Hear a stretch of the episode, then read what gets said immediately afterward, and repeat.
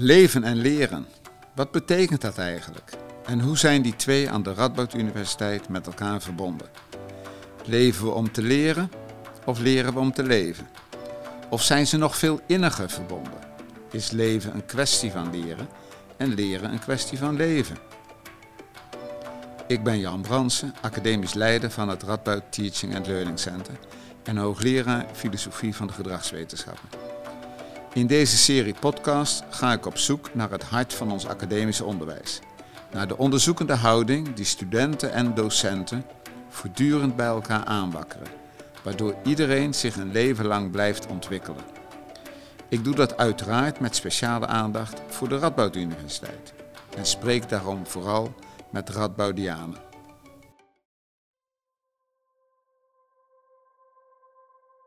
De coronapandemie heeft voor flink wat vertraging gezorgd.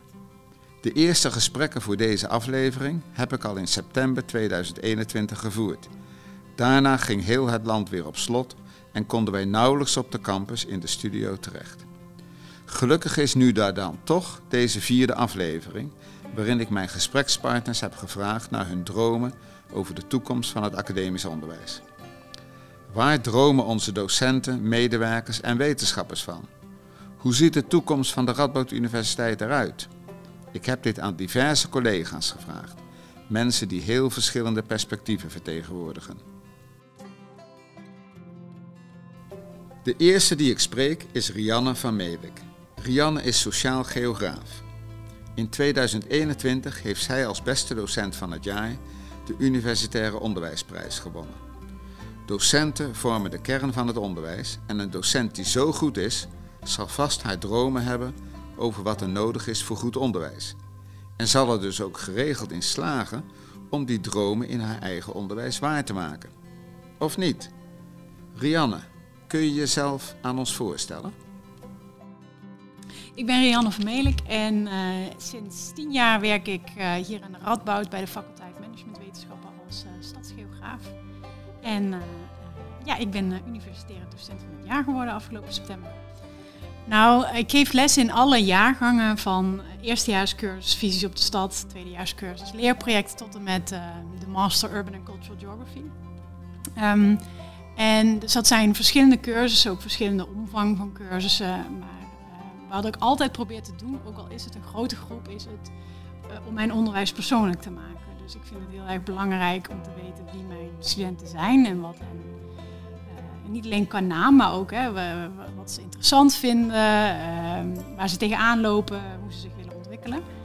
En dat kan je natuurlijk makkelijk achterhalen in kleinere groepen of in excursies, maar bijvoorbeeld ook in een cursus als Visies op de Stad maak ik het vaak ook persoonlijk door. Ja, ik wil weten wie mijn studenten zijn, maar zij mogen ook weten wie ik ben als Het allereerste college wat ik toen gaf bij Visies op de Stad uh, begon met een kaart van Nederland, waar ik vroeg uh, van, nou, uh, klik maar eens aan waar je ergens bent.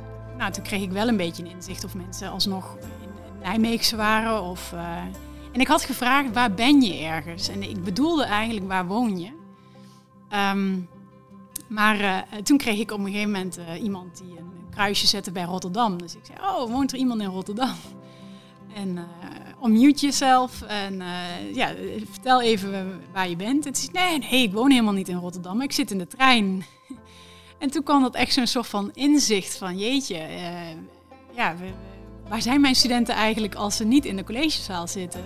Dat, dat is heel moeilijk te vatten, vind ik, ook nu nog. Dat je niet weet of ze livestream kijken of terugkijken of een combinatie daarvan ze thuis kijken of onderweg kijken. Um, dus het is die online setting toch wel ja, moeilijk te controleren. Um, voor mij is de kern van onderwijs is interactie. En tegen zo'n scherm aanpraten is dat niet. En we moeten in dialoog met elkaar zijn en elkaar zien.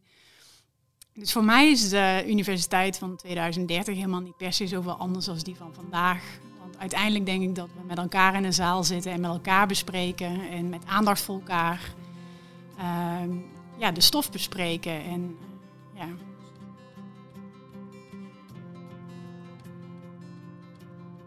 Ik merk um, dat uh, studenten baat hebben bij duidelijkheid. Dus dat krijgen ze bij mij meestal ook. Dus ik ben streng, maar ze weten ook waar ze aan toe zijn. Um, maar ook verantwoordelijkheid bij hen neerleggen. En dat heb ik echt moeten leren. Ehm, ik ben ehm, een grote voorstander van excursies, nog een voordeel van mijn vakgebied. Ehm, dus wij nemen onze studenten regelmatig mee op reizen. En dat kan een dagexcursie naar Utrecht zijn, maar dit jaar gaan we als corona toelaten met onze tweedejaars naar Bilbao. En met onze masterstudenten naar Berlijn. En uh, toen ik voor het eerst een, excursie organiseerde, was dat een hele traditionele excursie. Uh, ik uh, ging toen mee eh, naar Hongkong. En we hebben de ene na de andere interessante organisatie bezocht, maar dat was het. Een hele traditionele invulling van een excursie. En nu um, hebben we dat totaal anders gedaan. Um, als we met onze studenten naar Bilbao gaan, dan doen zij daar onderzoek. En um, wij begeleiden ze daarbij. Onze studenten in Berlijn leiden mij rond in een buurt die ze hebben onderzocht, in plaats van dat ik hen rondleid. Dus ik leg de bal heel erg bij de studenten neer. En ik denk dat dat ehm, ook belangrijk is voor uh, een goede docent zijn. Want ik weet zeker dat die studenten, als ze in Bilbao zijn, niks meer herinneren van mijn college over hoe doe je interviewen of um, hoe analyseer je die data. Maar ze weten nog verrekte goed hoe dat interview ging daar ter plaatse. Of dat ze naast de, dat ze een interview hebben afgenomen in een café en naast het koffiezetapparaat zaten en niks meer gehoord hebben van hun opnames. En, nou, ik vind het mooi om te zien dat zelfs de meest stille, stille student in, uh, in de collegezaal, dan, als je dan gaat vertellen van wat heb je gehoord, wat heb je uitgevonden, dat ze dan heel enthousiast beginnen te vertellen. Dus ja, ik denk dat het uh, een combinatie is van duidelijk zijn, persoonlijk zijn, maar inderdaad uh, niet alleen maar zenden. Ook echt van de studenten wat verwachten. Ja, volgens mij komt het er gewoon op neer dat ik, dat ik van mezelf verwacht dat ik professioneel ben, maar ook van mijn studenten. Dus kom op tijd, heb respect, bereid je voor.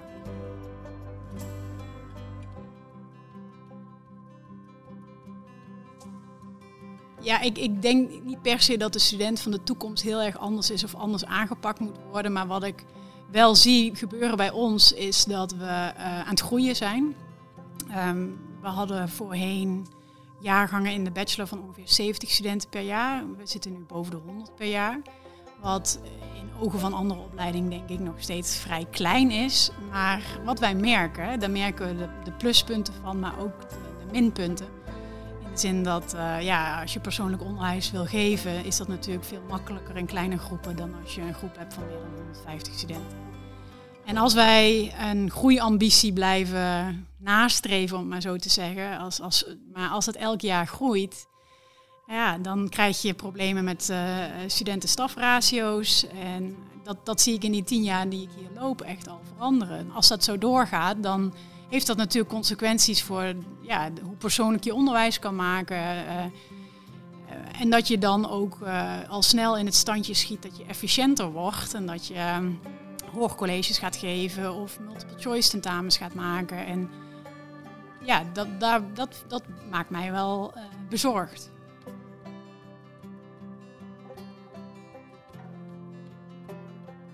Ik, zoals ik al zei, zijn onderwijs en onderzoek voor mij heel erg aan elkaar verbonden. En nou, ik denk dat ik inmiddels wel duidelijk gemaakt heb dat ik een passie voor onderwijs heb. Maar ik vind onderzoek doen ook heel erg leuk. En ik vind het heel goed dat wij beleid hebben dat een docent ook onderzoeker is. En, uh, maar ja, het moet niet zo zijn dat we het een belangrijker vinden dan het andere. En de ene docent of de ene medewerker is beter in het een en de ander meer in het ander. En we moeten gewoon een goede ja, kudden samenstellen van medewerkers in plaats van het schaap van de, met de vijf poten die alles goed kan. We zijn ook maar mensen.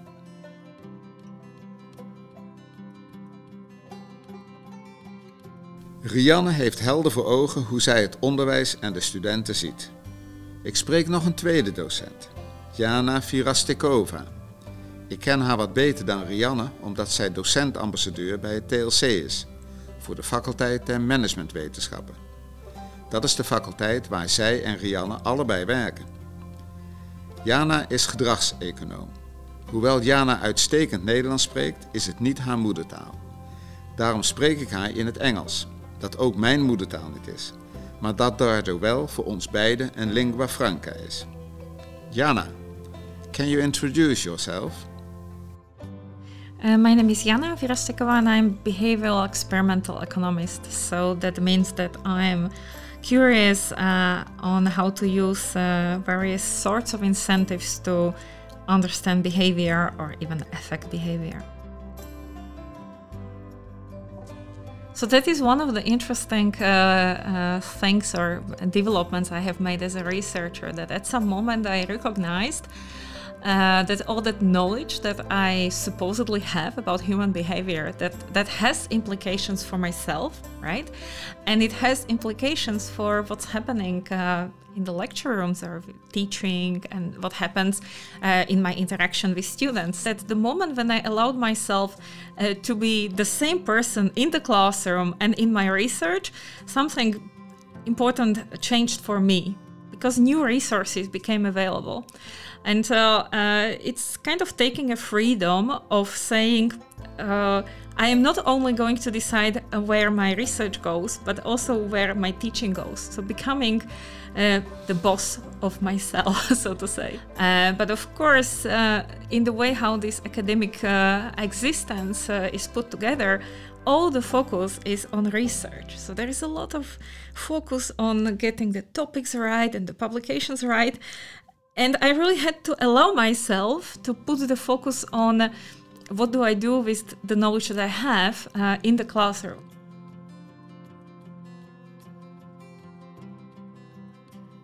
Uh, it is good to mention that uh, creating environments where we exchange about learning and teaching is of course impossible without students. That's a part of the package, right? No teacher stands alone in the in, in the lecture room and, and, and sends a story. Even sometimes it might look like that, but it's definitely not the most fun environment. And it also includes uh, uh, changing the perceptions of students themselves about when the moment when they enter university, uh, we we should be able to explain what are our rules of the game. And uh, as far as I'm concerned, the rules of the game are, you know, they are they're really ready to be changed. It's not that we are delivering a product that at the end has, you know, this kind of uh, diploma type of future. Uh, um, you know, it's nearly like like a reward. Uh, all these rewards they actually accrue through the process of interacting with the teachers and interacting with your dreams and with your hopes. And uh, this might sound very abstract, but as far as I'm concerned, uh, if we create the university environments where teachers, colleagues will get together and feel jointly responsible for their education, we are on the way. But we that is a huge culture change, and that huge culture change um, you know, at least at Radboud, I, I, feel confidence because we have the teaching and learning center. We have, uh, you know, many uh, teachers that already now are, you know, realizing this dream. So it's not that it does not exist everywhere. It's just not the, the mainstream. And because of that, I have this hope. On the other hand, we are existing in this system where education really has become a product, and we have to deal with it. Is the future of university in uh, fewer students in order to achieve this uh, uh, ideal universe of self-reflexive and critical students that co-create knowledge with teachers and teachers that uh, are aware of uh, what, how their colleagues are teaching. Um, i don't know. As far as i'm concerned uh, what we now have a situation where uh, access to education and any level of education is considered um, something as a right. Uh, what I miss there is this uh, uh deservingness of being a part of the academic system. That might have to do with, uh, you know, with my own history. I had to, I had to do an entrance examination in order to be able to enter university studies, and I know that I, I, I, know that at that time for me it was not uh, a question of uh, uh, failing or succeeding. I simply knew I will continue up till the moment that I will succeed. And this kind of determination and uh, self-selection, if you want, uh, and identification with the goal of what does it mean to be a university student, uh, I miss it in the current system. And I'm not saying I do not enjoy that everybody has the open doors to the university because that definitely helps certain groups of students who might depreciate their knowledge. And we know that for various reasons, people might have lower self-confidence. You know, we know that about girls and so on and so on. So, in principle, there are also benefits from having these open doors. Um, but there are also costs, and I think we don't discuss them often enough. I think we are responsible as, as teachers. Um, and uh, I don't want to downplay the importance of uh, taking students through through this academic formation, which also includes a lot of initial testing and a lot of uh, you know collecting of skills and, and practices and uh, you know methodologies that that simply are part of the package. Uh, but that's not a reason not to keep asking questions. What do you want? What do you think?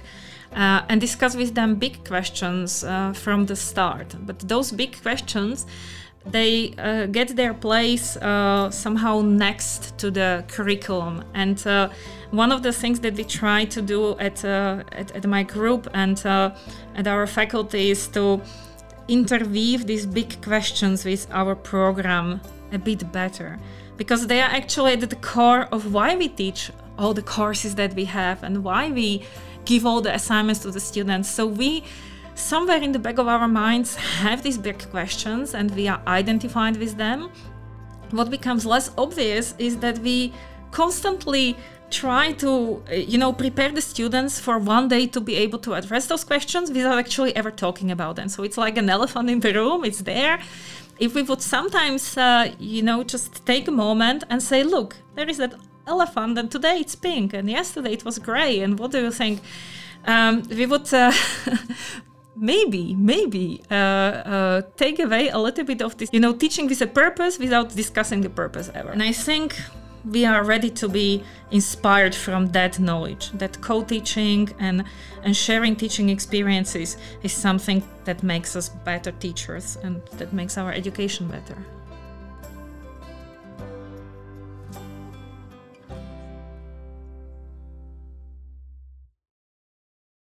Na de interessante perspectieven van twee docenten ben ik benieuwd naar die van een student. Of, zoals wij binnen het Teaching and Learning Center graag zeggen, een startende collega. Daarvoor spreek ik met Rick Pulles, die op twee vakgebieden in feite ook een naaste collega van mij is. Rick studeert namelijk filosofie en hij volgt ook een docentenopleiding. Daarnaast doet hij trouwens nog veel meer interessants. Rick, kun je daar iets meer over vertellen? Mijn naam is Rick Pullers. Uh, ik uh, doe op dit moment een master Philosophy, Politics and Society. Hiervoor heb ik de PABO gedaan, dus ik ben ook uh, basisschoolleraar. En naast dat ik ook basisschoolleraar ben, werk ik ook bij Defensie als luchtmachtreservist. En daar leid ik ook nieuw militair op als instructeur. Dus verschillende invalshoeken. Ja, die, die bijbaantjes zijn wel op, flexbasis, dus ik kan dat zelf inplannen. en daarom gaat mijn studie eigenlijk altijd voor. Ik denk dat ik het over het algemeen wel kan zeggen dat het wel bevorderlijk is voor studenten om verschillende invalshoeken te hebben. En of je dat nou bij, uh, bij zorg doet, of bij de horeca, of uh, bij de post, weet ik wat. als je maar ja, verschillende, proeft van verschillende werelden, omdat je vanuit die andere werelden ook perspectief krijgt op je, je, je, studie, zeg maar.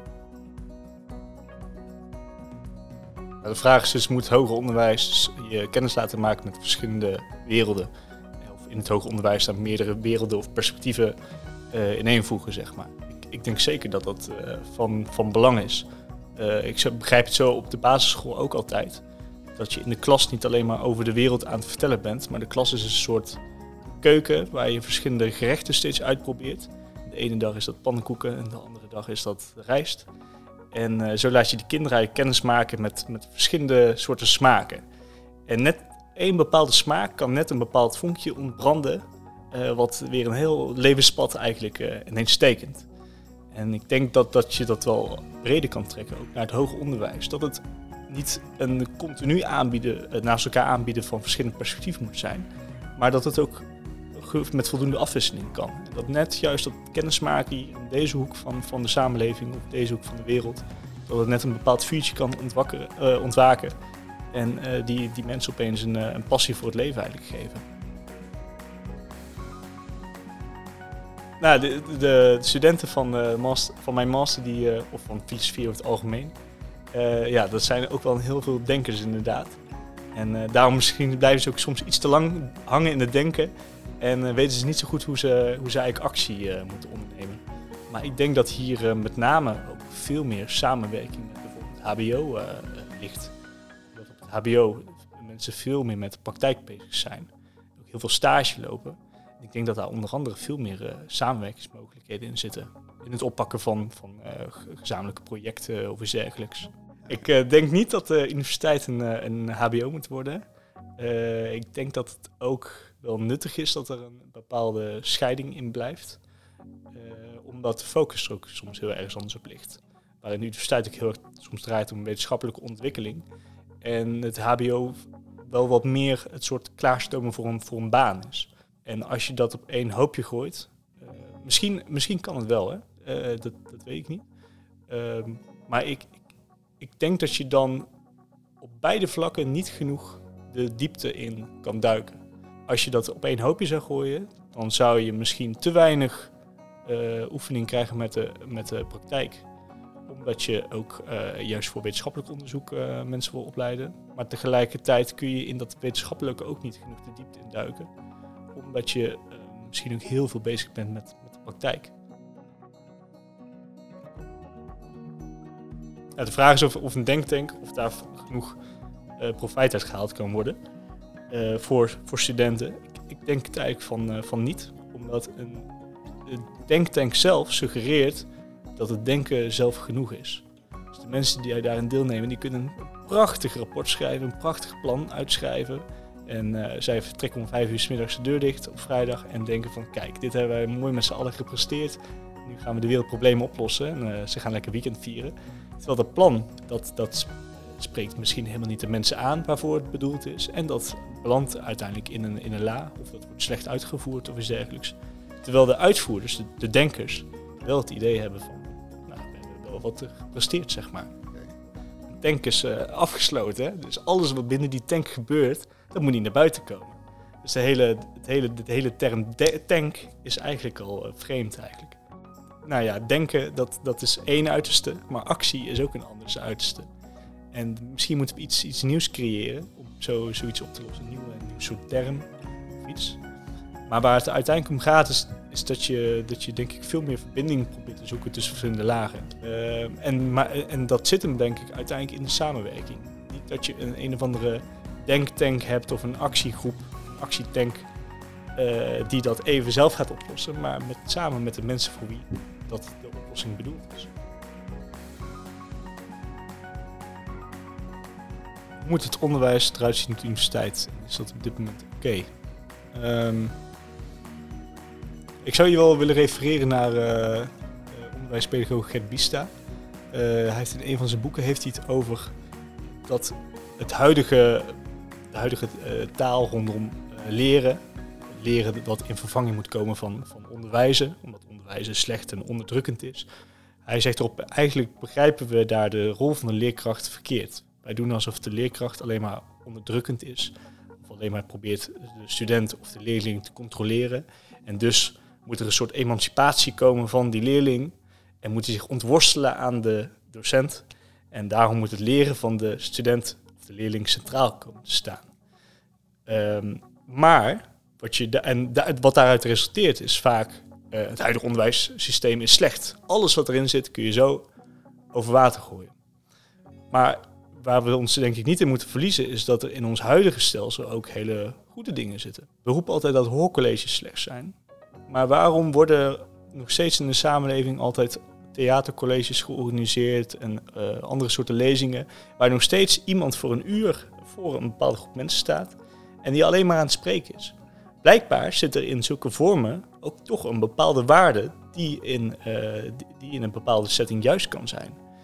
En uh, daarmee wil ik dus zeggen, we, we, moeten zoiets niet zeggen van, oh, hoorcolleges, dat hoort bij het huidige onderwijs, dus die zijn slecht en moeten allemaal de deur uit.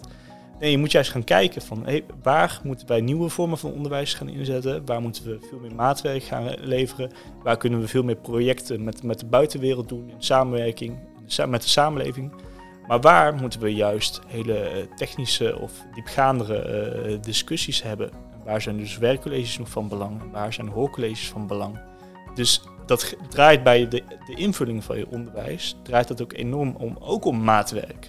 Welke vorm past bij welke situatie.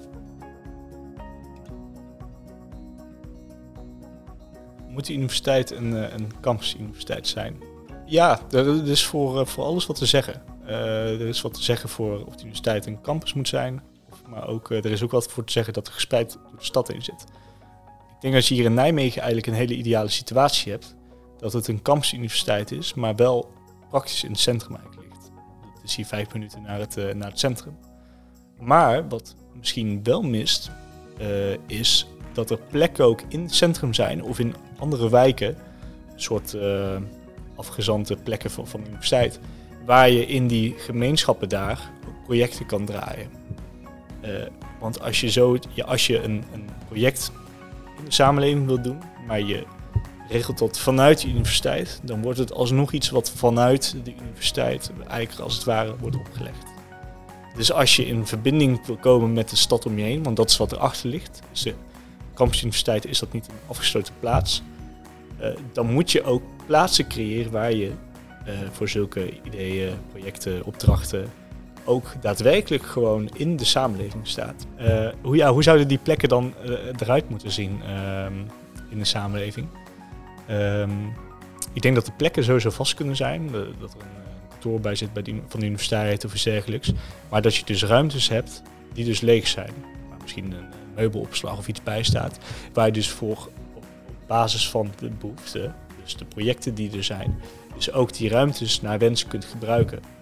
En uh, ja, dat dus de inrichting daarvan dus ook steeds open ligt en niet, niet vast. Waardoor je wel vaste plaatsen hebt die je gewoon, gewoon kunt gebruiken maar die van tijd tot tijd kunnen verschillen in hoe ze eruit zien. Dus de ene keer wil je uh, een winkel opzetten samen met uh, buurtbewoners, een soort concept store. Uh, nou, dan, dan, kun je dat zo inrichten. op het andere moment wil je daar een soort kunstatelier van maken. Nou, als de ruimtes er maar zijn, dan kun je er alles mee. Als we het over de toekomst van de universiteit hebben, zijn niet alleen de dromen van docenten en studenten van belang, maar zeker ook de dromen van bestuurders. En met wie kan ik dan beter gaan praten dan met Han van Krieken, onze rector magnificus? Han heeft mij ongetwijfeld een heel breed en overkoepelend perspectief te bieden op de toekomst van onze Radboud Universiteit. Han, kun je jezelf aan ons voorstellen? Ja, ik ben uh, Han van Krieken, nu uh, bijna vijf en half jaar uh, rector magnificus van de Radboud Universiteit. Hiervoor werkzaam bij het Radboud UMC als medisch specialist, docent, onderzoeker. En een van de thema's waar ik me echt op wilde inzetten is nadenken over dat onderwijs wat we geven. En uh, nou, daar speelt van alles en nog wat, maar wat mij opviel is dat de verbindingen met andere vormen van onderwijs, en dan heb ik het over het hoger beroepsonderwijs, maar ook over het uh, MBO, dat die verbindingen eigenlijk ontbreken. En uh, natuurlijk zijn het heel verschillende vormen van onderwijs en dat is ook goed. Maar je moet, als je eenmaal afgestudeerd bent in een van die richtingen, uiteindelijk met mensen van die andere richtingen samenwerken, omdat je aanvullend bent. En ik geef dan wel eens het voorbeeld eh, van Mark Klein-Wolt, die een hele mooie uh, uh, antenne heeft bedacht voor de achterkant van de maan. Maar vervolgens moest die echt ontworpen worden. Nou, dat, dat, dat kunnen wetenschappers niet, dat kunnen beroeps, hoger beroeps. Uh, op, maar het, en vervolgens moet je ook nog in elkaar gezet worden. Nou, dan heb je liefst een uh, goede MBO en niet een wetenschapper. Dus, nou, en dat zie je voor heel veel vakken. Dus we zijn nu aan het nadenken of we een vorm van werkplaats leren misschien kunnen gebruiken om wel onze studenten met HBO'ers, met MBO'ers kennis te laten maken met problematiek en elkaars kracht. Ja, dat betekent dus dat je uiteindelijk als academicus bekwaam moet worden in interprofessionele uh, samenwerking. En dat gaat niet vanzelf. Uh, er zijn vooroordelen, uh, voor over en weer overigens. en gelukkig hebben we wat programma's buiten de universiteit. Ieder talent telt hebben we in Nijmegen. We hebben de City Deal in Nijmegen. We zien kleine voorzichtige vormen in ons regulier onderwijs. Maar het is helemaal nog niet standaard. En, en dat, verander, dat, dat, dat vraagt wel een veranderende manier, veranderde manier van denken over ons onderwijs. Nou, een ander thema wat er speelt is, uh, we weten eigenlijk allemaal, uh, leren begint uh, direct na de geboorte, waarschijnlijk zelfs daarvoor al een stukje. en gaat door. Ik vind mezelf nog steeds een student en ik ben 65, een leeftijd die vroeger pensioengerechtigd was. Nou, is dat aanbod wat wij hebben op dit moment bijna helemaal gericht op mensen van, nou ja, rond de 18 tot rond de 23. Dus dat is maar een klein stukje van dat leerproces. Uh, nou denk ik wel dat voor die leeftijdsgroep, uh, zeker het begin van de bachelor zoals dat nu is, het heel goed is dat we daar ook een structuur aan brengen. We merken ook, uh, studenten die bij ons aan de universiteit komen, hebben die structuur nodig. Een zekere opbouw. Ze moeten leren studeren, leren academisch denken. Maar ik denk dat veel van onze onderwijsvormen kunnen we veel meer modulair maken, veel meer flexibel maken. Kunnen we uh, gaan aanbieden ook op andere leeftijdsfasen. Maar dan moet je ook nadenken. Ik denk dat we daar veel flexibeler uh, kunnen gaan zijn. Maar je moet telkens nadenken voor welke doelgroep bied ik het aan. Want het helemaal brengen naar uh, kleine modules met microcredentials en dat soort dingen... onderschat het belang van een opbouw van een curriculum. De coronacrisis heeft ons natuurlijk laten zien dat we heel veel online kunnen. En ik denk dat we de goede elementen van online leren kunnen gaan bewaren. Maar aan een universiteit, en ik denk dat het voor de hogeschool en het mogelijk beroepsonderwijs eigenlijk ook wel geldt, een belangrijk deel is in zekere zin praktijk leren. Nou, bij een beroepsonderwijs uh, is praktijkleren misschien aan de werkbank of in een keuken. Maar voor een academicus is werkplaatsleren met elkaar in discussie gaan, elkaar bevragen. Uh, de, de, kennis die overkomt, kijken of die wel nog steeds juist is. Waar komt die eigenlijk vandaan? En ik ben ervan overtuigd dat dat werkplaatsleren aan universiteit uh, in interactie met elkaar gebeurt. Dat moet gebaseerd zijn uh, op kennis die er moet zijn. Dus je verwacht wel dat studenten voorbereid naar een werkgroep waarin gediscussieerd wordt komt. Die voorbereiding kan uh, door een college zijn, kan door een boek zijn, kan door een online module zijn. Dat kan heel variabel zijn. En daar moet je wel goed over nadenken. Uh, uh, want het is niet zo dat alle vormen van kennis op dezelfde manier kunnen worden overgebracht. Maar als je daar goed over nadenkt een goede vorm, dan ben ik ervan overtuigd dat een aantal online modules enorm gaat helpen. Nou, de Radboud Universiteit bestaat bijna 100 jaar, begonnen als emancipatieuniversiteit. En dan moet je je natuurlijk gaan afvragen, zijn we dat nog steeds en wat bedoelen we daar dan mee? Uh, ik denk dat we dat nog steeds zijn. We hebben nog steeds heel veel eerste generatie studenten. Maar ik denk ook dat we moeten oppassen dat we daarmee ook niet verbindingen verliezen.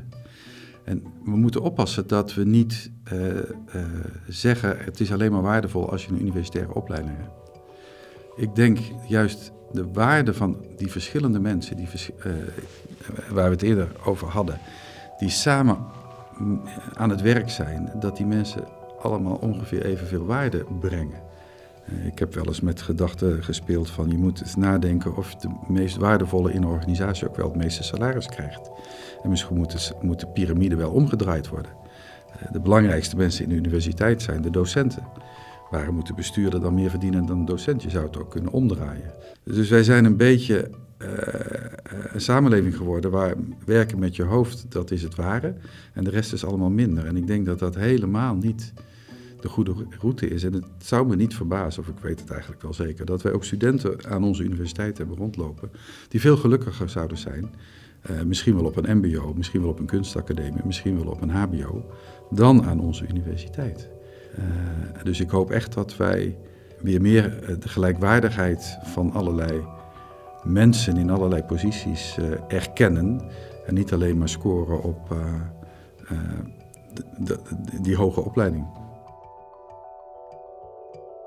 Hoe je zo'n gelijkwaardigheid voor elkaar krijgt, vind ik echt wel een lastige.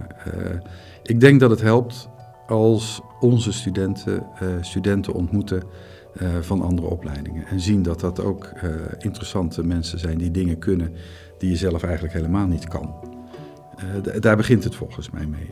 Um, ik heb bij de opening van het academisch jaar ook gezegd dat het belangrijk is ook met het ROC samen te werken. En ik kreeg direct een mail dat dit de eerste keer was dat ze op zo'n plek, een bestuurder van een universiteit, het waardevol over het ROC hoorde praten. En dat dat enorm had goed gedaan, terwijl ik dat niet met dat doel had gedaan. Dus ik denk dat wij degelijk daar ook, ook wat kunnen. Uh, maar dit is natuurlijk een heel groot uh, maatschappelijk probleem. Iedereen heeft talenten, maar die zijn heel verschillend en die mogen best op heel verschillende manieren waarderen.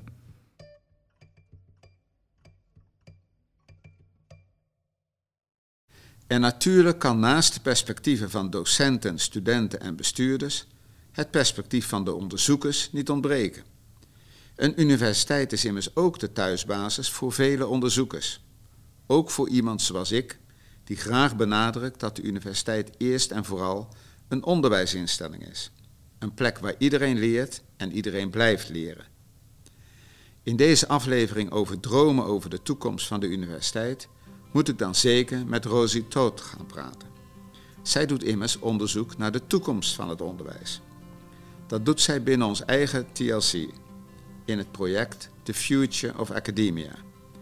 Een project waarin drie faculteiten samenwerken de faculteit der medische wetenschappen, de faculteit der managementwetenschappen en de faculteit der sociale wetenschappen. Ook met Rosie, die uit Hongarije komt, spreek ik Engels. Rosie, could you tell us more about your project? So, hello everyone.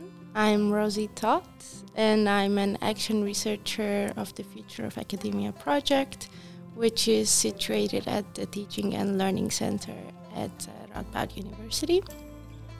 And it is very much about um, looking for the meaning of learning and why we're learning in the 21st century and how could we change that. Well, my, my research and also my experience shows that that um, currently academia is very much alienated from what is actually happening in the world. We are we're living in a in a, a transitioning point in time in in a socio-ecological crisis. However, academia seems to be an academic institution seems to be a little bit stuck in a in a capitalistic corporatized even neoliberal system where in fact the goal is the production of knowledge and even the production of students instead of actually creating um, meaningful um, experiences for people and also um, teaching them and aiding them to to become fulfilled people in this world where they can actually contribute to this world and also very much contribute to a change. So what what is the role of the university? I think is very much a question of the of the future of academia, and um, well, universities and academia in general has has always been a major um, societal force, right? And also something um, that would be very much a change agent in itself, but um, right now it conforms more to the system. So, um, looking for alternative futures, I think, should be the major role of academia in this century or in this era. Yeah, so what is the reason of existence of academia and how come it seems that, that we have forgotten that, that, that our role is in fact um, to change the world in, in a way through the through the creation of knowledge and ideas. Um, the current system that we live in, which which which is a very much capitalistic system, um, is so powerful and so embedded in, in our everyday lives that that if we wanted to start creating a change, it is it is incredibly hard because we we always tend to run into into walls. Like like I think academic institutions are overly bureaucratized. They, as I said earlier, they are they're corporatized. Um, where the people who are actually participating in academia are very often just numbers, especially students are just numbers. I also think that there is way too many students and um, just so much competition. And it's all about achieving, but not achieving to contribute, not achieving to become a a full human being, a lifelong learner, someone who is um, who knows what is good for them, who knows how they can really be part of this society, um, which society or which or this world, which world, by the way, also includes the modern human. So it's not only about people; it's also about really the world and the places of the world that we live in and we should belong to. Um, I think it's we, we have forgotten how to how to belong and how to connect with ourselves and connect with others and cor- connect with places. So it's just it's just this endless pressure and competition to to fit into to a system that is that is highly destructive of this world and we're destroying ourselves. So basically, why I think we have to change the university is is because um, it's a very personal experience as well for me. Um, is because when we get out of university as students or as graduates, um, we still have no idea of who we are and where we belong in this world and what we are supposed to do. Um, and I think that's that's a problem. That means that that that we almost wasted five years of our lives writing papers and, and getting a diploma and actually not really growing as a person.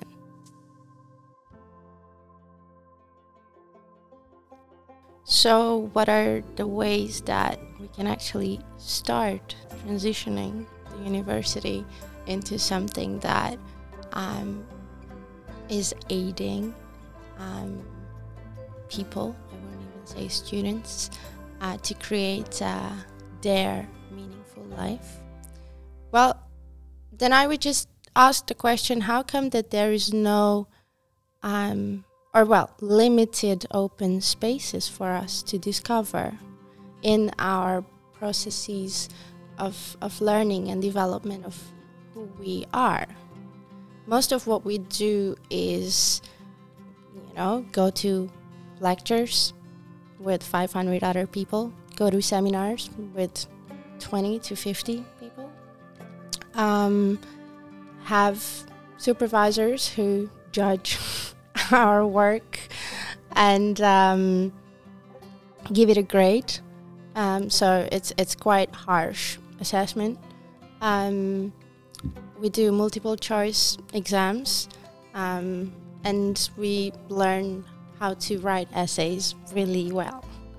But how come, like, I just find that, and not just me, but I think many people find that in this format, there is not a lot of opportunity to actually find out what you're truly interested in, what really drives you, and and what actually makes you feel very successful. So I think, and this is also what I do in my day to day job, I open up experimental spaces, learning spaces, where both teachers and students get to find that um, role for themselves. And it's, it's really powerful because they have to learn co creatively, they have to push away notions of hierarchy, um, which is really very difficult because we have, when we walk into a learning space, um, we we start with so many assumptions about who is a learner, who is a teacher, and we forget that actually we could be all of that. But it's it's really a long learning process and, and, and it's about creating a form of ownership over your personal but also your collective learning process of how can we how can we create a community of learners actually where, where we're able to support each other in finding who we are and also set up shared learning goals. For me if i if i really had to start dreaming on my own i would have a small group of people who um, i get to know throughout different ways of learning, um, who I also become friends with, who I get to experience hardship with, but also get to achieve things that we never thought were possible. We would be empowering each other and we would also push each other to discover pathways that otherwise we would have never done. So, in that way, if you want to translate this into more academic thoughts, um, it would be a transdisciplinary, co creative, and transformative learning space.